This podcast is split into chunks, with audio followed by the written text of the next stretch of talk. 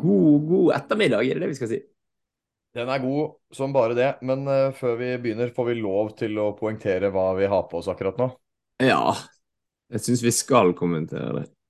Ja, for uh, dette er første gang vi har spilt inn pod i bar overkropp, begge to. Og det er ikke fordi vi har begynt å holde på med grisete ting. Det er rett og slett at uh, Jeg vet ikke åssen det er i Bergen, men jeg antar det er som her, i og med at du også sitter i baris. Det er rett og slett så sinnssykt varmt. Ja, det, det er helt nydelig. Været i Bergen, du får det faktisk ikke bedre enn sånn som det er akkurat nå. Det er helt nydelig. Nei. Men oppe på loftet mitt så blir det, blir det litt i svetteste laget, så da røk T-skjorten. Jeg sitter på loftet jeg, og jeg kjenner absolutt til problemet. Men når du først er inne på Bergen eh, Bergen er jo kjent for å regne bort, ikke sant? Ja. Ja, og så var jeg nylig i Bergen, fikk dessverre ikke truffet deg grunnet et hektisk program. Det jeg fikk servert, var eh, over 20 grader, strålende sol og ikke så mye som en regndråpe i luften. Er uh, regngreia bare en skam? Ja. Ja, vi vil ikke at dere andre skal flytte dit, Vi vil faktisk ha det for oss sjøl. Så da er det greit å komme med et sånt rykte om mye regn. Jeg visste det. Jeg visste det. Så det til dere som hører dette, bare flytt til Bergen. Det er en sinnssykt fin by. Jeg hadde helt glemt hvor vakker den er. Jeg har ikke vært der siden 2012. Syns det var helt komisk fint, og elsket været. Ja, det er godt. Var konserten bra? Konserten var som vanlig ti av ti, og så eh, var jeg veldig sliten. Og likevel så ble jeg dratt med opp på fjelltur og gikk eh, fra Er det Ulriken til Fløyen eller Fløyen til Ulriken? Nei, fra Ulriken til Fløyen, for jeg tok den banen ned, og det må jeg si var nesten like bra som konserten. I tillegg så fikk jeg lov til å Myk over vidden, da? Ja, vidden, ja. Stemmer. I tillegg så fikk jeg hilse på både gitarist og trommis fra Iron Maiden, som bodde på samme hotell som oss, og da var min eh, guttedrøm oppfylt. Oi, oi, oi! Ja, da ja, rett og slett. Kan det ikke bli stort bedre enn det, da? Nei. Og det ble smelta mye pyro på den scenen nå. Det, vi skal vel litt innom det temaet i dag også? Det, det blir absolutt uh, pyro i dag. Vi kan vel egentlig bare smelle i gang. But why some say the moon? Why choose this as our goal? And they may well ask, why climb the highest mountain?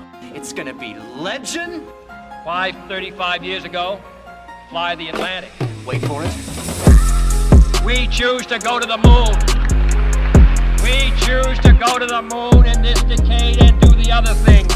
Not because they are easy, but because they are legendary. Legender lever lenger. En podkast om bemerkelsesverdige enkeltmennesker som har skilt seg ut fra massene og satt sitt preg på historien. I hver episode tar vi her for oss en kjent skikkelse, levende eller død, som ved hjelp av sitt imponerende mot, fysiske talent, skarpe hjerne og eller rene tilfeldigheter har oppnådd en form for legendestatus. Denne gangen Alfred, Alfred Nobel, mannen bak dynamitten, men også fredsprisen. Kontraster ja. hos Alfred. Hos, hos Alfred, ja. Nei, vi må, vi må uttale det riktig. Alfred, og med mellomnavnet Bernard eh, Nobel. Han blir altså født i 1833 i Stockholm, og vi skal igjen tilbake til dette vanvittige 1800-tallet. Denne tidlige skissen over vår moderne verden. En gullgrøve for podkasten vår, da. Ja, vakkert sagt. Ja, jeg synes, men jeg har merket vi er mye på 1800-tallet. Men det er, det er, noe med det at det er, det er mye, mye, av vår historie som har sine røtter eh, tilbake på 1800-tallet med, med store Veldig mye store teknologiske Eh, utvinninger og, og eh, egentlig politiske. Så det er mye ja, som har sine røtter her, da.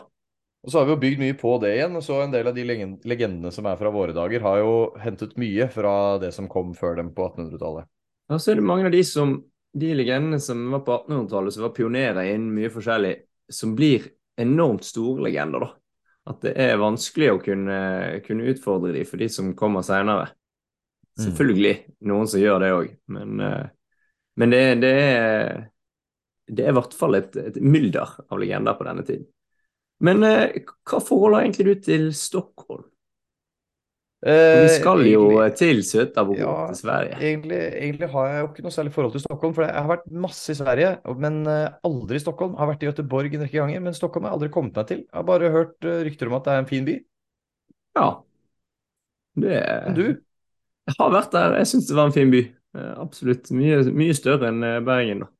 Hvordan vurderer du den opp mot eh, Oslo, København og Helsinki? Helsinki har jeg null forhold til, så det, det, må vi bare ta ut med en gang. Jeg syns København kanskje er den fineste byen av de tre. Det er så storslått, ja. mange av bygningene der. Så er det jo ja, veldig ofte godt vær i København også. Er jeg er glad i Oslo, og jeg har jo mye større forhold til Oslo enn til de to andre. Eh, men, eh, men, altså byen Stockholm Jeg tipper hvis jeg hadde hatt eh, mye med, mye med svensker å gjøre, mye med Stockholm å gjøre, så hadde den sikkert rated like høyt som Oslo. Men for meg så kommer han kanskje nederst av de tre skandinaviske hovedstadene. da, med med, med, med, København som den eh, kanskje den fineste byen, og Oslo som den jeg har mest med å gjøre. En veldig ærlig vurdering. Jeg har vært i Helsinki, jeg har vært i København og Oslo, så jeg kan fylle ut det du ikke vet om Helsinki. Jeg kan si at Helsinki er en slags uh, Det er Oslo 2. Det er det samme greia. København soleklart best. OK, men da, eh, da får vi dra tilbake igjen til, til Alfred. Han er da den fjerde sønnen til eh, Immanuel Nobel og Caroline eh, Andrietta Alcel, eller Caroline eh, Nobel, da. Og Immanuel han er oppfinner og ingeniør. Altså faren til Alfred er oppfinner og ingeniør. Men han sliter med å få gjennomslag for ideene sine, og så havner han i gjeld. Løsningen på dette her Eh, det kommer ved at han, eh, han, flytter, altså bare faren, til St. Petersburg. Og da er det noen kilder som mener at han flytter fra, eh, fra kreditorene sine, kreditorene som skal ha, skal ha, penger fra han.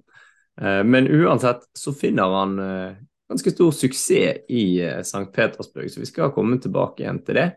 Men det jeg kan fortelle er at resten av den fattige familien de er jo igjen i Stockholm. Og eh, Alfred, lille Alfred han eh, sliter mye med, med sykdom i, i, oppveksten. En, eh, ellers en nysgjerrig og læreglad gutt som er veldig tilbakeholden, beskrives han som. da. Ja. Han eh, viser tidlige tegn på begavelse, som det heter da, eh, særlig innen ingeniørvitenskap, eh, men også absolutt innen språk. Og utdanning det har ikke de råd til for han, så det er, så det er moren som driver med litt hjemmeundervisning til, til Alfred, mens den eldste broren hans får, får vel noe utdanning ved, det, ved, et av de billigste universitetene i, i Stockholm. Mens men dette alt endrer på seg veldig da, når faren begynner å få suksess borte i St. Petersburg. Og da henter han med seg hele familien til, eh, til Russland. Eh, nå mulig du sa det, men suksess, hva er det han drev med der borte? Ja, det er jo det som også sønnen skal drive på med senere. Jeg, jeg sa det ikke, men uh, Immanuel han opplever egentlig en dundrende suksess uh, med sprengstoff. Og det er jo derfor at uh, de flytter hit. Og nå får jo også lille Alfred dyr privatundervisning, og uh, tilegner seg jo bl.a. veldig mange språk. Han snakket flytende svensk og russisk, engelsk, mm. tysk og fransk uh, når han ja, før han ble voksen. Så i 16-17-årsalderen så hadde han full, full, oversikt på dette her. Og han må ha vært en skarp fyr, da? Han virker utrolig skarp, faktisk, når man leser om han fyren. Eh, og han er jo kjent for lenge før han fikk, eh, kom til Russland og fikk eh, utdanning, og så var han, han imponerte visst veldig tidlig med lese, leseferdighetene sine. Han leste mm. utrolig tidlig og veldig mye og veldig raskt. Eh, og da får du jo mye kunnskap, da.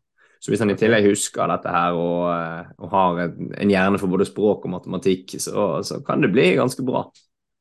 Uh, en eh, legende går jo på at han Nå husker jeg ikke hvilken av disse her franske filosofene det var, om det var om eh, Voltaire eller Montesquieu eller eh, Rousseau, men han, eh, han, har en av disse kjente bøkene til en av disse her, og så oversetter han han fra, eh, fra fransk til svensk, og så oversetter han han tilbake igjen til fransk, okay. bare ut fra sin egen svenske versjon, da, for å se hva han kan eh, lære. Så han Han må jo kunne wow. sies å være en litt spesiell uh, ung mann, da. Men uh, flink blir han jo i, i mye. Ja, uh, så nå, nå, har de jo fått, fått, suksess. De er blitt rike, han har fått privatundervisning. Og nå har de også råd til å sende ham på et slags studie- eller praksisår i Frankrike og senere i USA. Så han får også reist en del, da, og jobber med med ingeniørvitenskap i, i firmaet til, eh, til, noen kontakter eh, som faren får knytt. Og etter de årene i Frankrike og USA, så er han tilbake igjen i, i St. Petersburg og begynner i farens bedrift.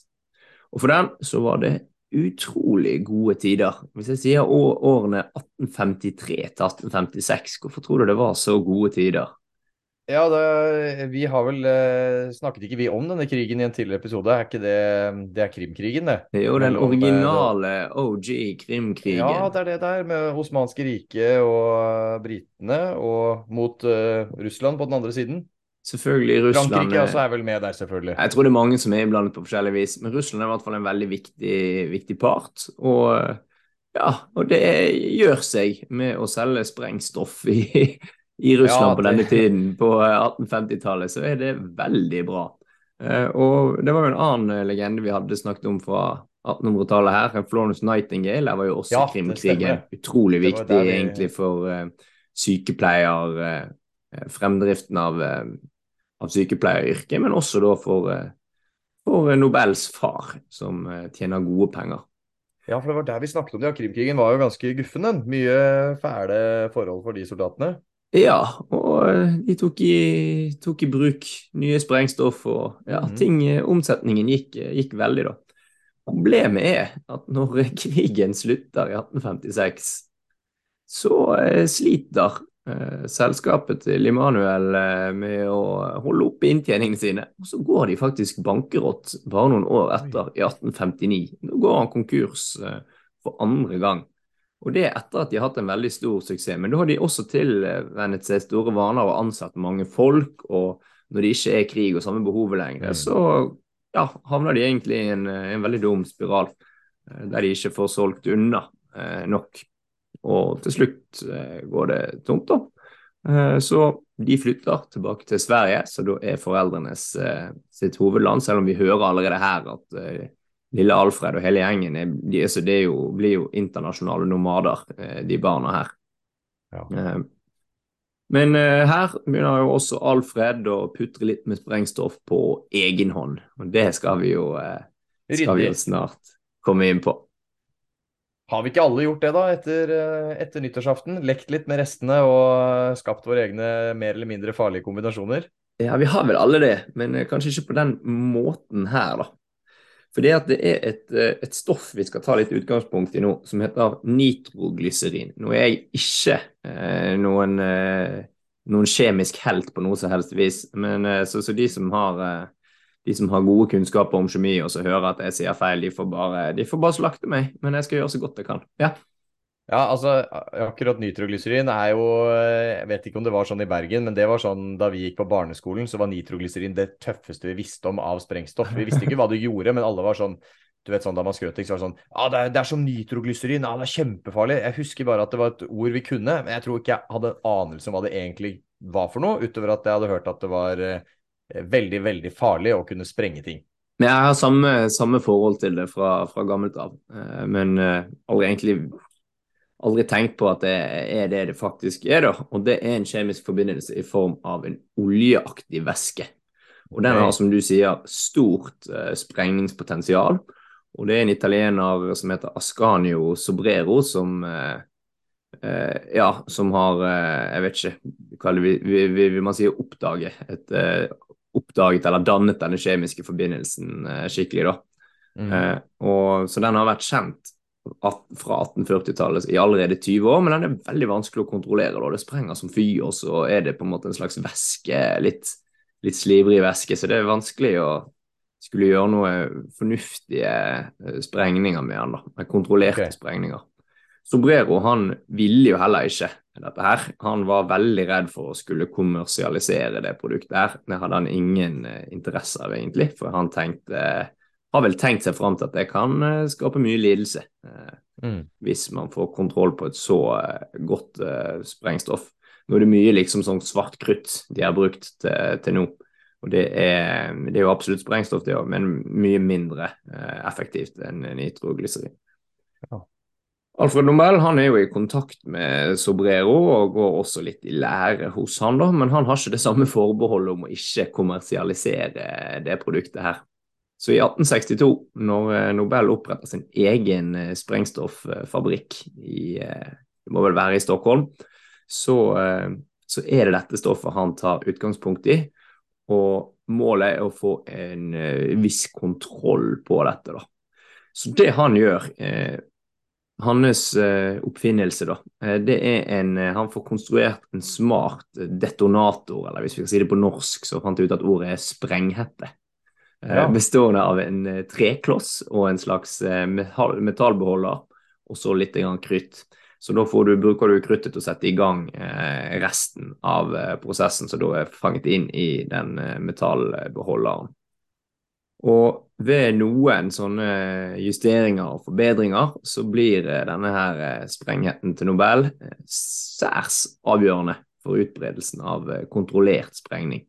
Så de man får kontrollert det på, på mange måter. I hvert fall i mye større grad enn før, så er det jo noen komplikasjoner som vi skal som vi skal se nå.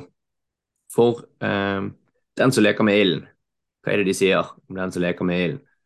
Ja, den blir brent. Brent den barn blir brent. skyr ilden. Det er vel Ja, det kan du også si. Det er flere sånne. Jeg tenkte på den som leker med ilden. Ja, brent, enkelt og greit. De, de brannrelaterte ordtakene handler i stor grad om at du kommer til å tenke deg om etter at du har røket på en smell.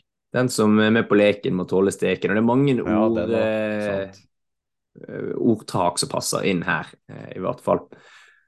Men eh, det er et sånt eh, Hva skal man si? Et slags eh, uthus der han eh, jobber mye med, med, disse sprengstoffene. Og han har jo Man kan kanskje si det er en slags liten fabrikk, men det beskrives også som et slags uthus der de jobber med dette her. da, og Han har noen ansatte. og en av de som er med i fabrikken hans en del, er den ene broren hans.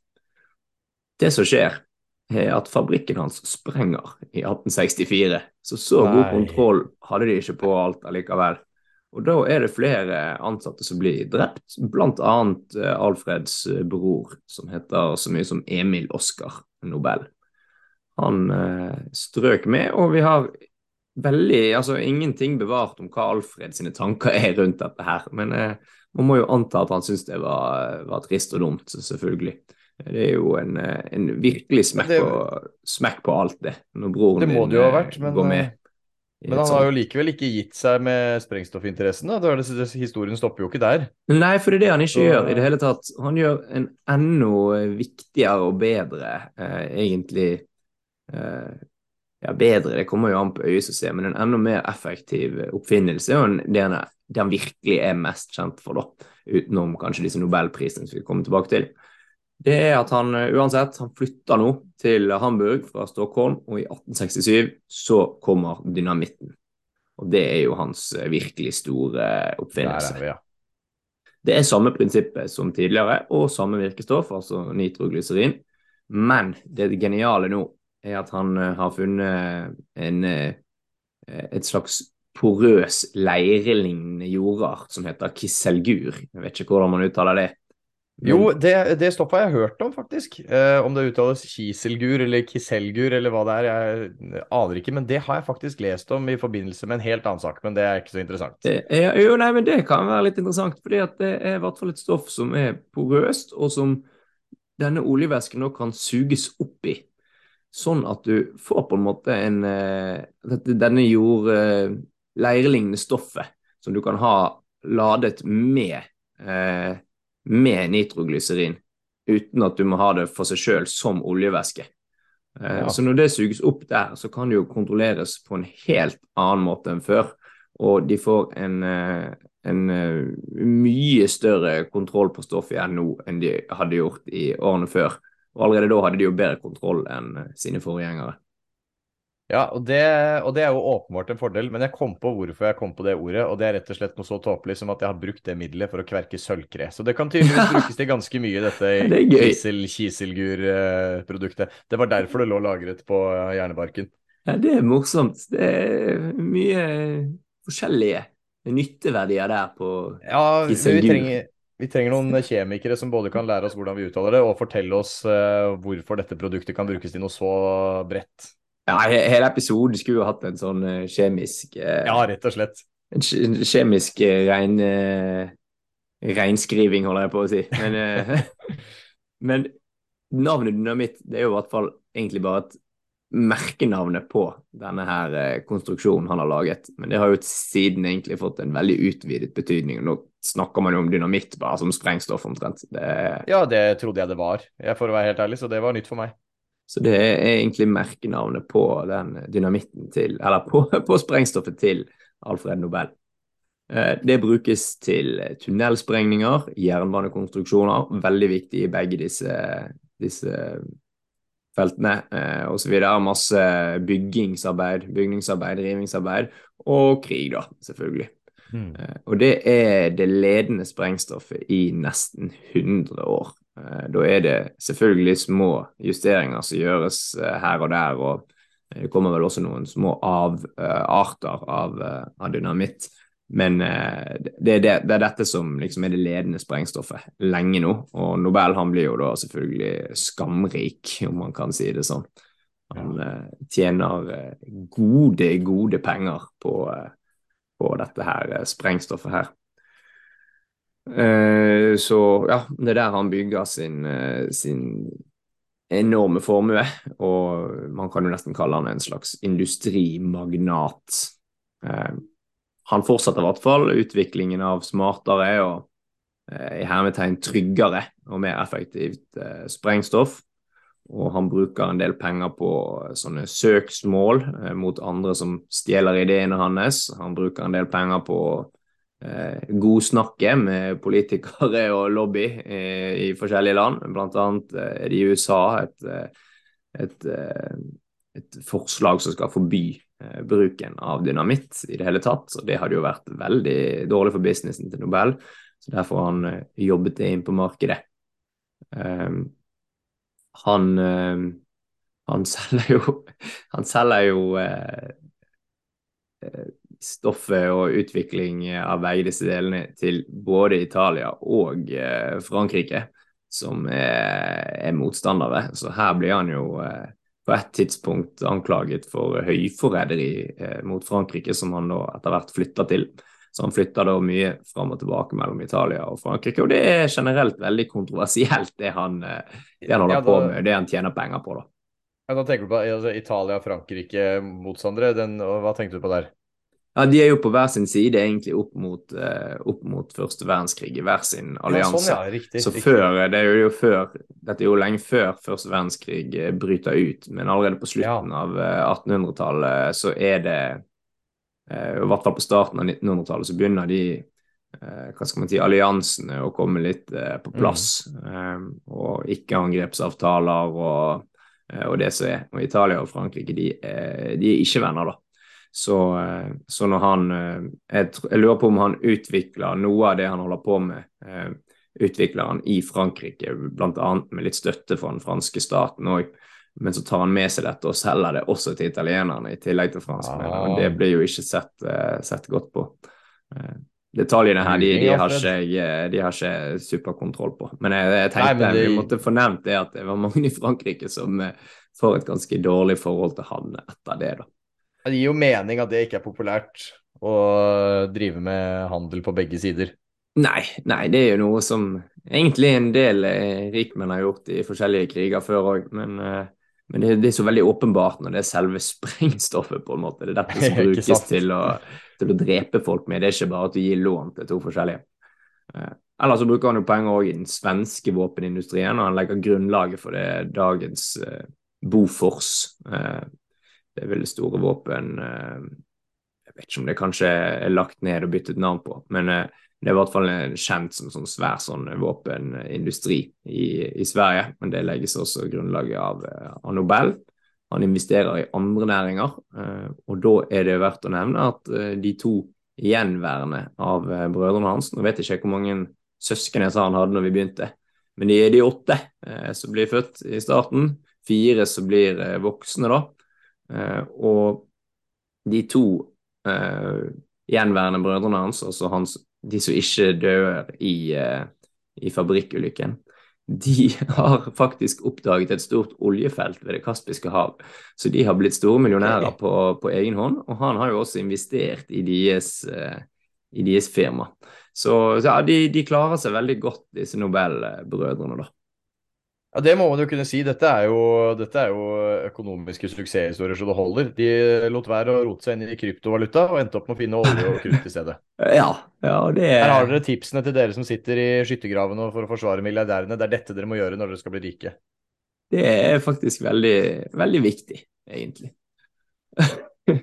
han gir jo bort en del penger òg, da. Eh, så man kan jo Man må jo kunne beskrive han som en stor eh, filantrop. Eh, og han har jo ikke noe familie heller. Men er, det virker som, etter hva jeg har forstått, så er han veldig sånn Han, han får masse, selvfølgelig, eh, forslag og forespørsler om du kan bruke penger på ditten og datten. Han er veldig sånn, han ser veldig detaljert på det og ser veldig liksom går veldig detaljert sjøl inn på hva han skal gi til, og hvis det er noe han liker, så kan han, da kan han gi romslig mye. Men eh, han gir ikke til det meste, da. Men eh, til de han gir, så gir han eh, veldig mye. Og da er det gjerne sånn at han kanskje kjenner seg litt igjen i han. Ser folk som har gode ideer og gode tanker, men som ikke har midler. Det er det han har lyst til å eh, hjelpe egentlig til med litt sånn gründervirksomhet. Det er vel kanskje hjertesaken, kan du si. Ja. Eh, ellers så bruker han mye tid på litteratur og filosofi og brevveksling. Og eh, her har han også i et brev til en som heter Bertha von Suttner, som vi skal komme tilbake til. Hun er en del av den store liksom, internasjonale fredsbevegelsen på, på slutten av 1800-tallet. Og det her eh, sier han eh, følgende i et brev til hun. Perhaps my factories will put an end to war sooner than your congresses.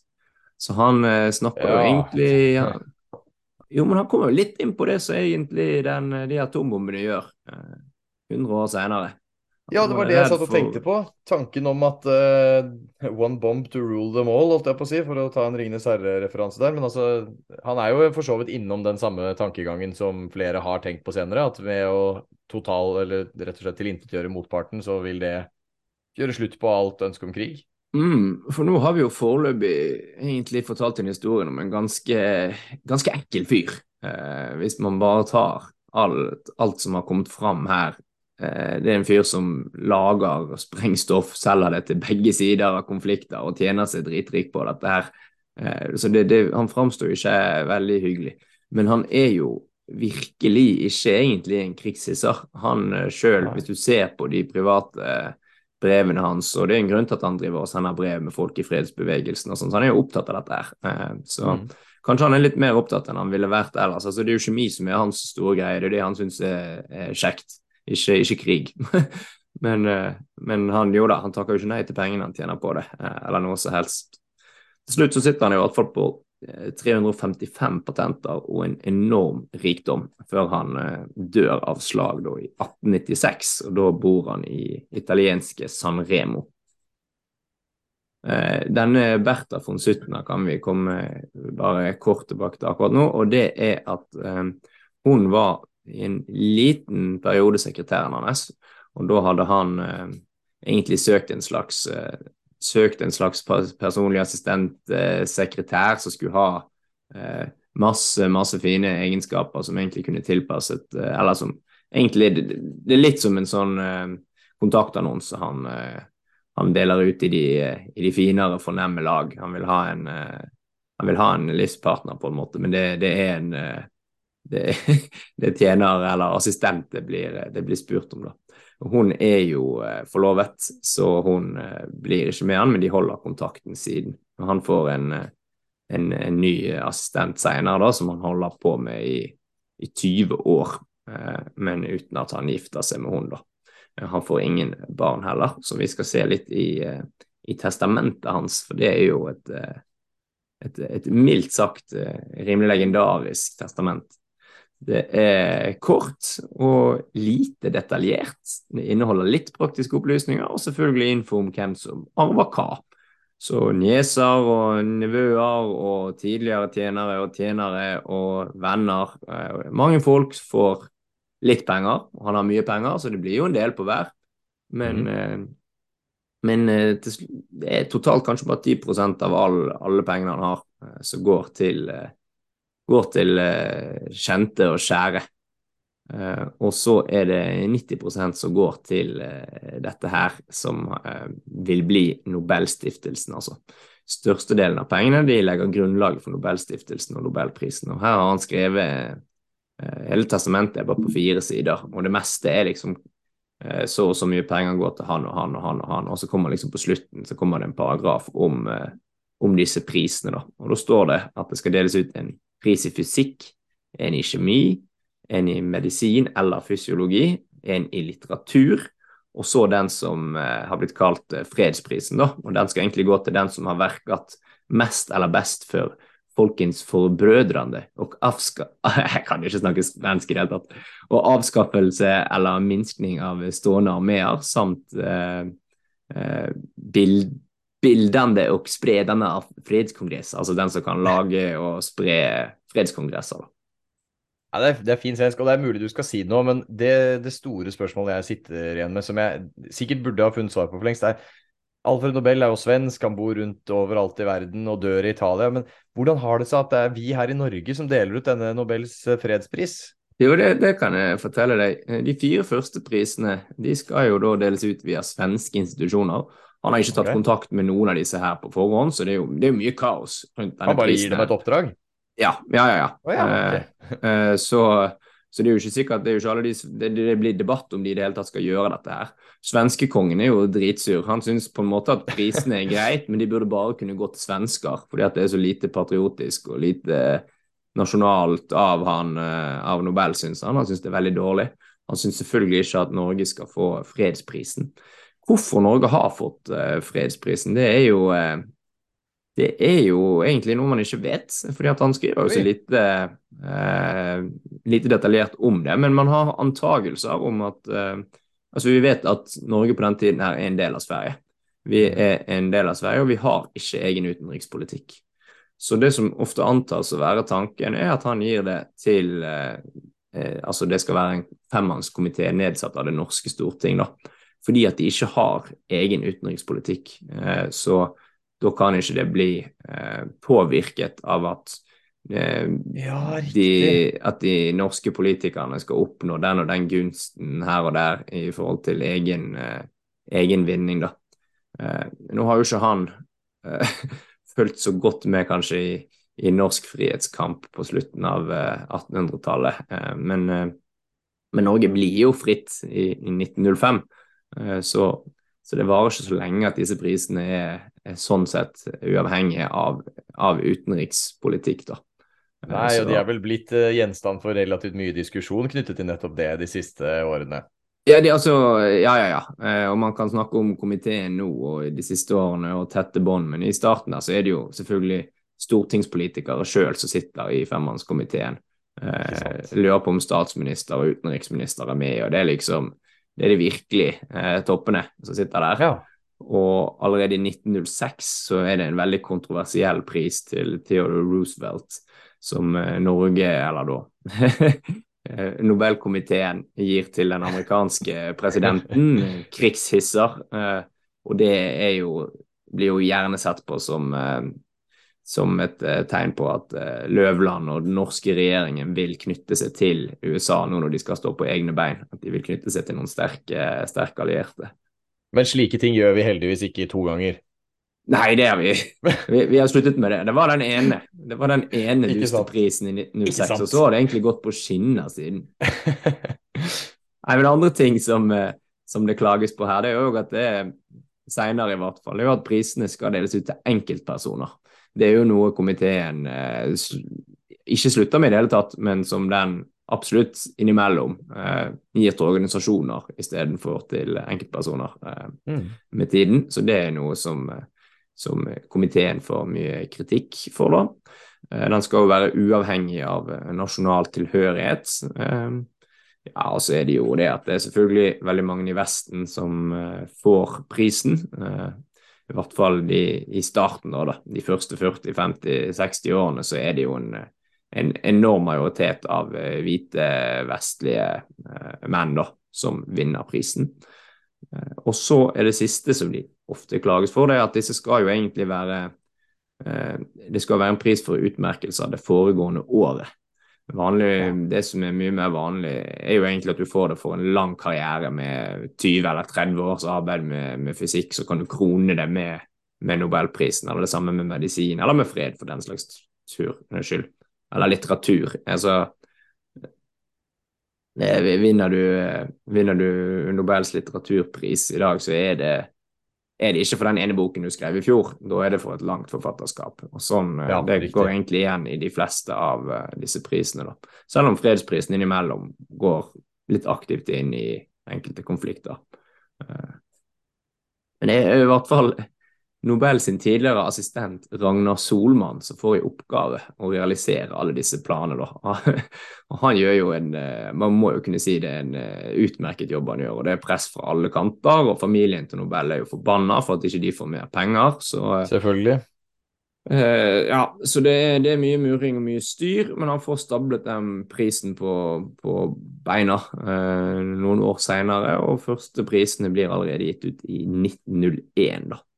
Den uh, første kvinnelige vinneren av fredsprisen er for så vidt denne nevnte Bertha von Suttner, så det kan jo, kan jo nevnes. En av ja. disse som holder på med, med å lage fredskongresser. Det var veldig, det var en slags sånn fredsbevegelse på den tiden der det var veldig mye kongresser der du skulle samle forskjellige, forskjellige folk, om det var fra, fra, fra, industri, men også politisk, og fra, ja, fra forskjellige hold.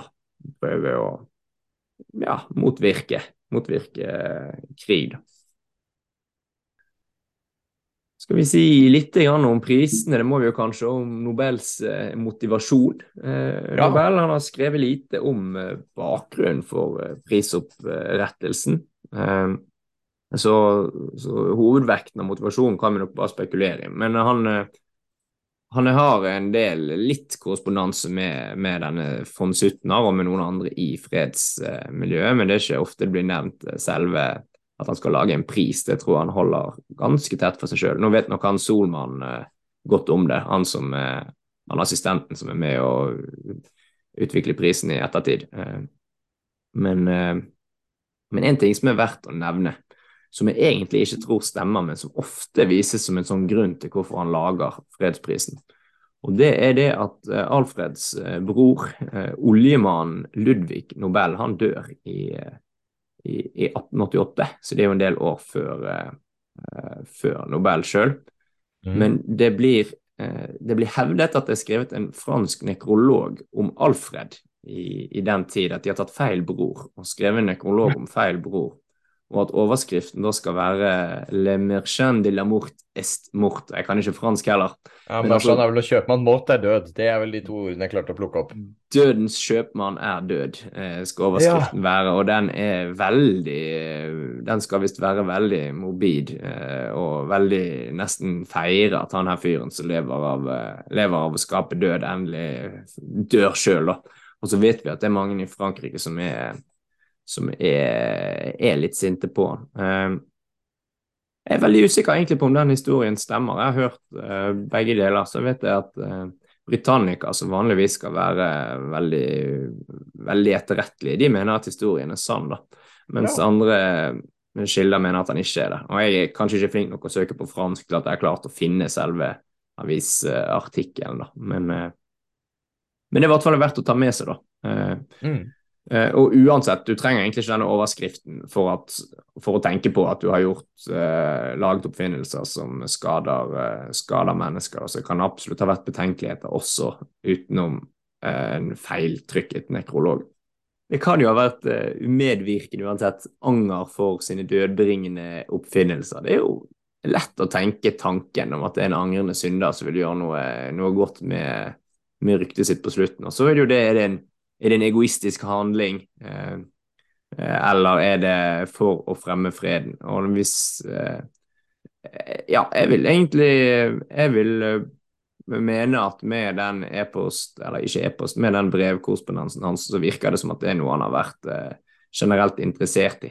Ja, det plager han selvfølgelig at dynamitten har, dreper mange mennesker, men han, han har nok ikke alltid tenkt Eh, på det på den uh, måten, da, som du ser i det forrige sitatet. Men han har blitt betenkt, og han er tydelig påvirket av disse fredskongressene og kontakt med folk i, i, ja, i fredsbevegelsen, da.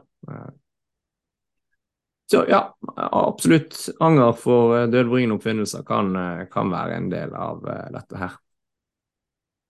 Ja. Prisene de har jo store kontroverser fra start til slutt. Det har vi jo nevnt allerede, om det er prinsipielle, etiske eller på bakgrunn av fag. Rent fag. Fikk ikke Bob, Bob Dylan prisen i litteratur. Eh, jo, nektet å møte opp for å motta den. Ja, han fikk vel pengene? Det gjorde han. Det er mulig han kom til slutt, men det var jo en svær sak rundt akkurat det der. Han må ha takket ja på et eller annet vis. Men uh, det, det, er jo forskjellige kontroverser rundt alt. Kanskje aller mest eh, fredsprisen, selvfølgelig. Mm. Det er jo fullt av, fullt av, ikke, av, mindre hyggelige typer som har vunnet den opp gjennom også. Fra 1969 så kommer det en, en slags seminobelpris, hva kan man si? Det er Sveriges Riksbanks økonomipris til minne om Alfred Nobel, som knytter seg veldig, veldig tett opp til eh, de fem eh, originale prisene, da, uten at det er noe på en måte hjemmel i, i, testamentet for å si det, at det er en av Nobel sine priser. Da. Men, eh, men, i dag så er det på en måte blitt den, den sjette eh, nobelprisen. og det, ja, det omtaler det som nobelprisen i økonomi, da. Så ja. aner ikke jeg hva Alfred eh, ville tenkt om det, men, eh, men ja. Det er det det får folk avgjøre sjøl hva de tenker om, egentlig. Eller hva tenker du om det? At de har laget en ekstrapris som ikke går i tråd med, med hans Jeg må jo innrømme at jeg, jeg, visste ikke at den ikke var offisiell, for man får, jo, får det jo med seg med en mellomrom. Tenker jo kanskje at hvis, hvis, det virker som det er såpass lemfeldig Nei, det er det jo kanskje ikke. Han har jo selvfølgelig valgt disse av en grunn. Det er jo innenfor uh, store fagfelt. Men uh, i og med at han kanskje også ga disse oppgavene til folk uten at de fikk forberedt seg, så er det kanskje rett og rimelig at han også blir brukt i denne sammenhengen motsatt vei. Samtidig så er det jo ikke en pris som sverter navnet hans på noen måte. Nei, det er det jo ikke. Eh, og så har vi jo andre priser som på en måte blir kalt eh, f.eks. Nobelprisen innen matematikk. Det er jo den som Abelprisen i Norge, f.eks. Den er jo nevnt som Nobelprisen for matematikk. Så forskjellige felter har sine på en måte nobelpris for, for det og det. Eh, så, mm. så, det kan jo nevnes. Men eh, det var egentlig det jeg hadde om Nobel. Har du blitt litt klokere om denne svenske ja. internasjonale typen? Definitivt ble klokere, og så, og så, ga du meg svaret på det jeg hadde lurt på så lenge. For jeg kunne jo selvfølgelig vært lur og googlet meg fram til det på et eller annet tidspunkt. Men du er jo, du er jo en, i hvert fall en som har god peiling på nobelprisene, i hvert fall de fredsprisene. Til og med skrevet oppgave om det, det er jo lov å si det? Ja, masteroppgaven min gikk på, gikk på fredsprisene i, fra 2009 til 2014. Uh, ja. Men uh, Så jeg har jo absolutt vært borti Nobel i, i forbindelse med det, da. Men, eh, Men det ikke så mye din, om person-Nobel, egentlig. Men, nei, for det var det jeg lurte på. Er det der din interesse for fyren i det hele tatt har oppstått? Har du, har du visst, visst, mye om han i forbindelse med det arbeidet du gjorde der? Uh, nei, men jeg, jeg, var jo så en del på det på testamentet, f.eks., for, for det er jo en del som, av det som blir debattert. Handler, min oppgave handlet jo om eh, medias eh, mottakelse, norske mediers eh, på en måte mottakelse av disse prisene i den begrensede perioden. Eh, og da er det jo også eh, noe som tas i bruk hele tiden av de som er misfornøyde med ting. Eh, så tar de i bruk disse prinsipielle og eh, argumentene og noe på bakgrunn av fag, og i tillegg til det etiske, selvfølgelig.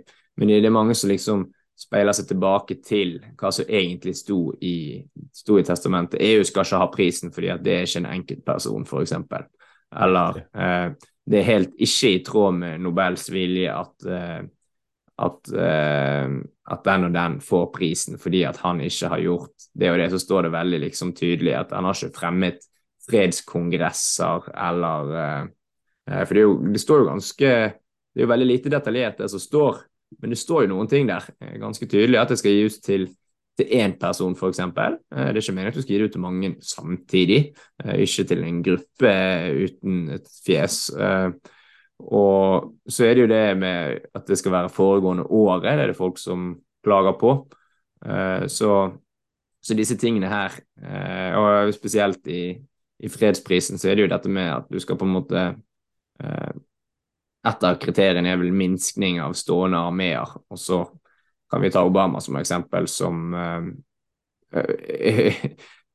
øker eh, krigsinnsatsen i Afghanistan samtidig. Så det går jo egentlig rett på tvert med, med testamentet til eh, Nobel, da. Så skal ikke jeg uttale meg veldig om eh, han fortjente prisen eller ikke, og, og de andre. Eh, fordi at det er jo det er en pris som har utviklet seg med årene også. Så, eh, så selvfølgelig, prisen har blitt eh, mye mer og mange flere som tar del i det, enn bare eh, disse nedrablingene fra en, eh, fra en avdød eh, svensk dynamittgubbe. men, mm. men det, det, er jo selvfølgelig en del av diskusjonen når du skal se på om prisene er gitt riktig, om de da oppfyller kravene til mannen som faktisk ja, er på bildet av medaljen du får når du vinner disse prisene.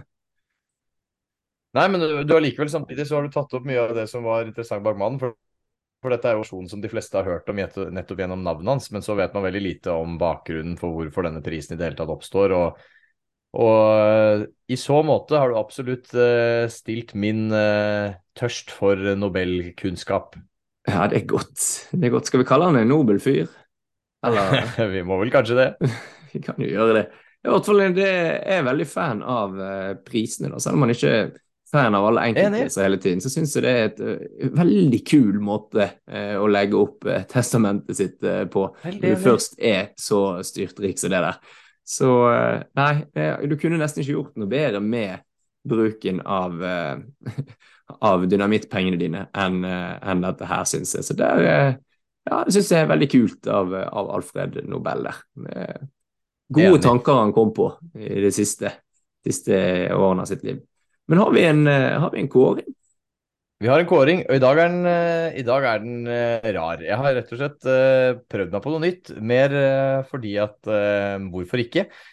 Og saken er jo den at I og med at vi skulle ha om Alfred Nobel, så visste vi jo at sprengstoff eller ting som eksploderer, kom til å være relevant. Og så satt jeg og prøvde å gruble på hvordan vi kunne klare å relatere en liste til dette.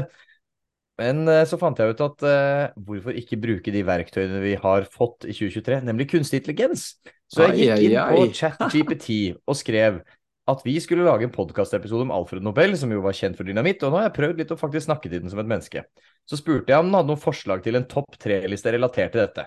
Og det jeg fikk opp, var egentlig bare en haug med dårlige forslag om uh, forskjellige menn som løst hadde en tilknytning til sprengstoff. Men da jeg gikk i dybden på disse folka, så viste det seg at ingen av dem hadde egentlig noe med sprengstoff å gjøre. Det var heller det Nei. at de hadde vært med på å utvikle en type pistol, eller at de hadde vært med på å utvikle en eller annen type gjenstand som ble brukt i en eller annen, eh, et eller annet kjøretøy. Altså ting som er så løst knyttet til sprengstoff at det ikke var mulig å bruke det. Så jeg ble okay. sittende og prate litt videre med den, og den beklaget seg jo over at ikke forslagene var gode nok. Så til slutt så kom jeg inn på hva med fiktive ting, eller fiktive personer som har en tilknytning til sprengstoff. Så da ble Oi. det altså en uh, topp tre-liste over uh, fiktive personer med sprengstoffrelaterte uh, gjenstander, eller rett og slett sprengstoffrelaterte fiktive personer, blir vel lettere å si. Så her er det rett og slett Dette er kanskje den tynneste listen som noen gang er laget, men det var veldig gøy å prøve ChatGPT for å prøve å lage en topp tre-liste. Jeg tenker det er sært og herlig. Jeg gleder meg til å høre. Det, det er utrolig sært. Nå har vi vel hatt en liste over topp tre beste bær, så vi skal vel tillate oss den. Men ja, vi, kan, eh, vi, kan, starte, vi kan starte bakerst si. her, og, og det vi kan si her, er jo at her har jeg også latt ChatGPT få lov til å trekke dem fram, og så har vi diskutert litt. Og så har vi til slutt landet på at toppen i dag, han er faktisk norsk. Så la oss starte i gang med en honorable Oi. mention. Han heter Bomb Voyage. Jeg vet ikke, Så du noen gang De utrolige? Den superheltfilmen fra Pixar? Eh, som, ja, det er de, den familien. Det er familien med superhelter. Stemmer. Og eh, det er ikke så lenge siden jeg så den på nytt, faktisk. Men der er det jo en eh, en skurk som heter Bomb Voyage, en fransk eller belgisk, husker ikke helt, fyr som har bombe Det ligger jo i navnet hans. Eh, bomber som sitt eh, spesialfelt, og en av de store nemesisene til, eh, til heltene i det, det, utrolige der, da. Er det han lille med det voldsomme håret? Nei, det er, det er, han som ender opp med å bli hovedskurken, men eh, denne Bomb Voyage spiller en rolle i dette, for han er jo involvert i involvert i en sak der Bon Boyard skal gjøre noe kriminelt, og så okay. ender han her opp med å gå litt i veien, for han er egentlig en stor fan av disse superheltene, og så ender han opp med å snu helt om og bli en skurk etter hvert, da. Fiffig kar på tredjeplass. Ja, nå begynner det, og det er lenge ja, siden jeg har sett filmen, men det begynner å devre litt for meg når du sier at han bytter side og sånn der. Ja, jeg hadde helt, jeg hadde helt glemt han, så, eh, så, det var litt gøy at han ble trukket fram. Vi kan jo trekke fram eh, en til. Dette var vel egentlig ja, Vi kan si at dette var honorable mention, så kan vi heller ta det som egentlig får tredjeplassen. Litt kortere der, og det er rett og slett for at han her hadde jeg i hvert fall tenkt på når det kom til sprengstoff. Og det er Yosemite Sam. Er du sikker på, eller har du hørt det navnet før? Kan du tenke deg hvem dette er, denne karakteren? Er det en fyr i Looney Tunes? Det er det første ja, jeg tenker. Da. Det er helt riktig. Det er han der lille rødhårede, eller han eh, rødmussede karen med den store bart. Han er egentlig bare en Ja, stor bart ja, ja, og to ja, ja. øyebryn med en stor hatt. Og de fleste bilder av han så har han eh, to, eh, to pistoler, men han er også relativt glad i vold som, som har med eksplosiver å gjøre, da. Så Alle, alle er det i Looney Tunes. Ja, ja, ja, det er jo en eksplosiv serie. Så ChatGPT beskriver han rett og slett som eh, en eh, fyr som er kjent for sin voldsomme personlighet, og som ofte bruker dynamitt og sprengstoff for å skape kaos og bekjempe Bugs Bunny og andre figurer i Looney Tunes-serien. Fin Og, fyr å eh, ha på tredjeplass. Og det er jo så måtte jeg lese litt om Yosemite Sam, og grunnen til at han ble skapt, var rett og slett at eh, Bugs Bunny, eller Snurre Sprett som vi kaller han på norsk, sin hovedfiende, han var rett og slett litt for, litt for mild og litt for lite slem, så de måtte lage Yosemite Sam, som er mye voldeligere og mye mer gæren. Ja, det er godt. Så har vi kommet til eh, det som blir plass nummer to, da. Og det er rett og slett noe som eh, jeg holdt litt på med i min barndom, og det er nemlig Bomberman.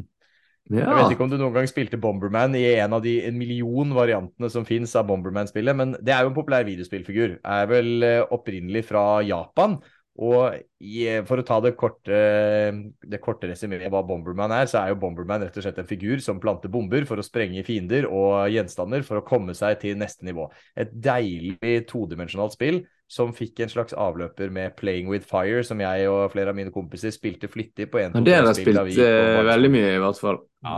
Så Bomberman han er jo blitt en, er jo en ikonisk figur nå, og har dukket opp i en million forskjellige spill på alle plattformer. Nintendo 64, Super Nintendo, PlayStation, you name it. Så Bomberman, spillikon.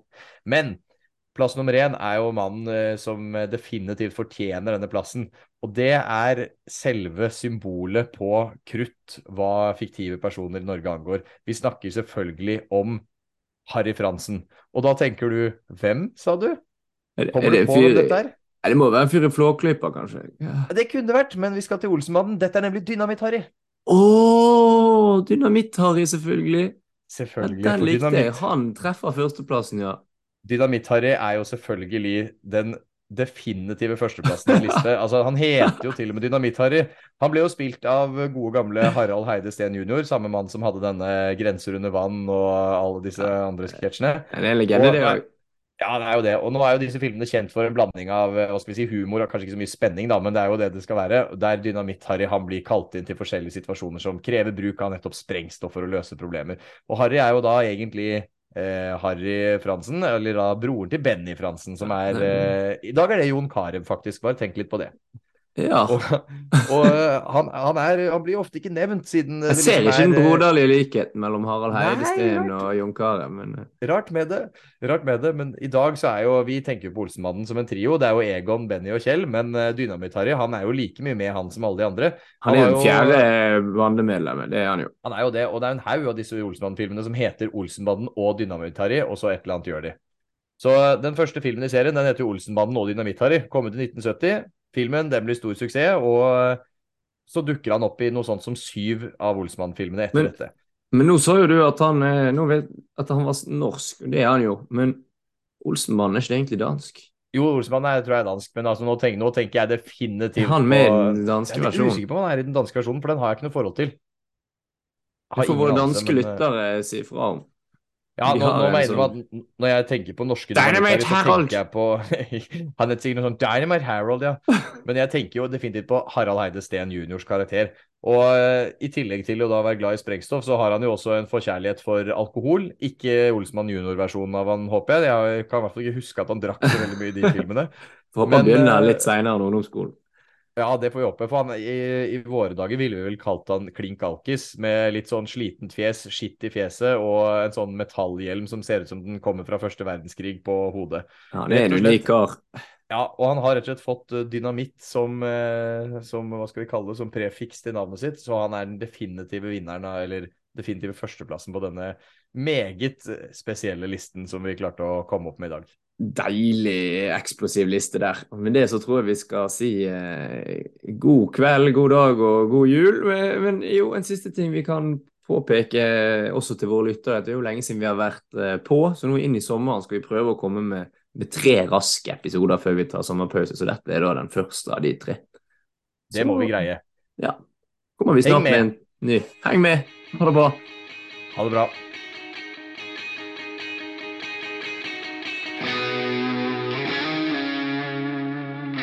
Det begynner å bli, bli meget varmt her. Ja, det er helt sant.